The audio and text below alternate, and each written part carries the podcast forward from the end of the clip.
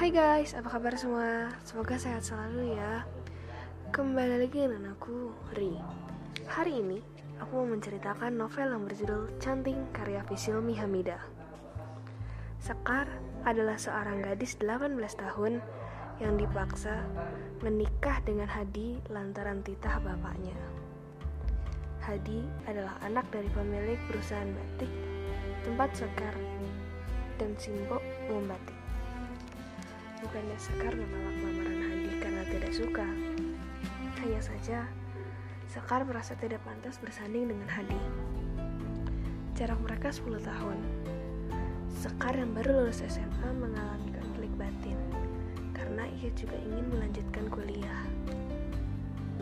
Tapi pernikahan tetap dilakukan. Sayangnya ada Ajeng, sahabat Hadi yang tidak bisa menerima kenyataan itu. Terlalu nafsu untuk memiliki Hadi. Hadi selalu ingat nasihat ibu. Tresnakui kadang kayak keripik tela. Bisa acur yang orang hati-hati linggawa.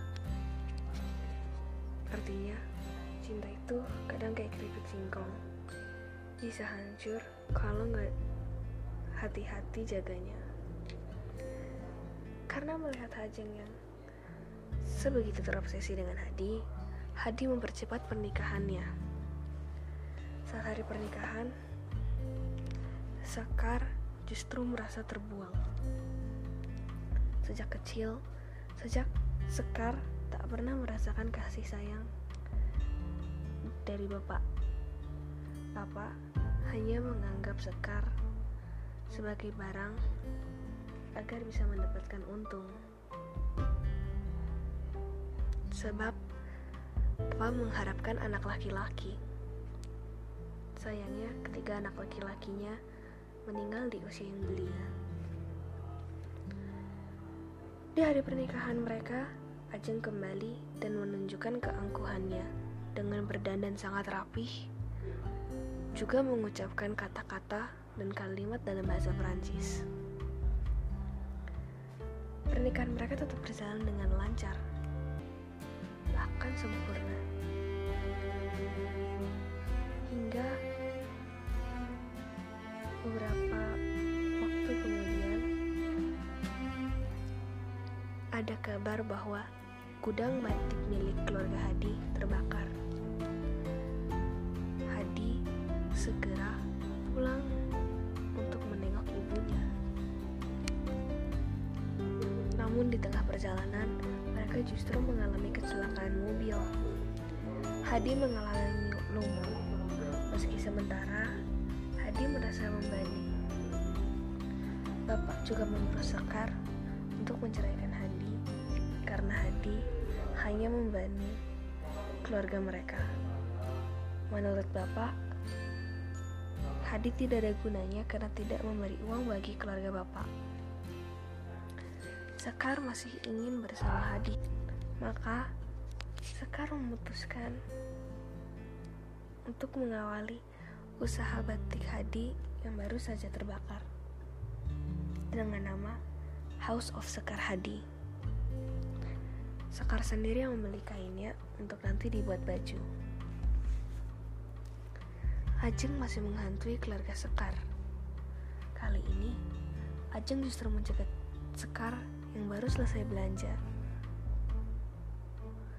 Ajeng meminta pada Sekar agar boleh dijadikan istri kedua Hadi. Tentu saja, Sekar tak sudi. Mendengar namanya saja, Sekar muak. Hadi memutuskan untuk menemui Ajeng di Seraton Hotel. Setelah mendengar penuturan Hadi yang menolak Ajeng, tentulah Ajeng menjadi malu dengan perbuatannya selama ini. Ajeng menggenapkan hatinya untuk menikah dengan lelaki lain. Suatu sore, Sekar pergi. Hadi kembali datang ke rumah Ajeng karena Sekar pergi sejak 24 jam yang lalu dan belum kembali.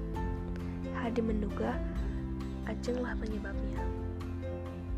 Ternyata, sekarang tengah mengandung anak pertama mereka, takut jika Hadi tidak menerima anaknya jika kelamin sang buah hati beda dari ekspektasi. Seperti yang Bapak lakukan ke Sekar. Namun nyatanya, mereka bisa kembali menjadi keluarga yang utuh. Sepasang kekasih yang sudah sepuh itu telah menjadi abadi karena cerita mereka dan kisah perjuangan mereka dalam membangun House of Sekar Hadi. Dari skala 1 sampai 10, aku menilai buku ini ada di skala 10. Kenapa? Karena buku ini keren banget mengangkat kayak budaya, budaya Jawa gitu. Kan jarang tuh yang ngangkat budaya Jawa, terus ini tuh masih ada kayak bahasa-bahasa Jawanya gitu. Dan ceritanya unik banget. Kalau kalian penasaran membaca, kalian bisa baca bukunya Canting karya Visilmi Hamida.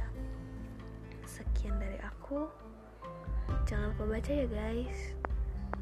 Terima kasih. See you on my next podcast. Bye bye.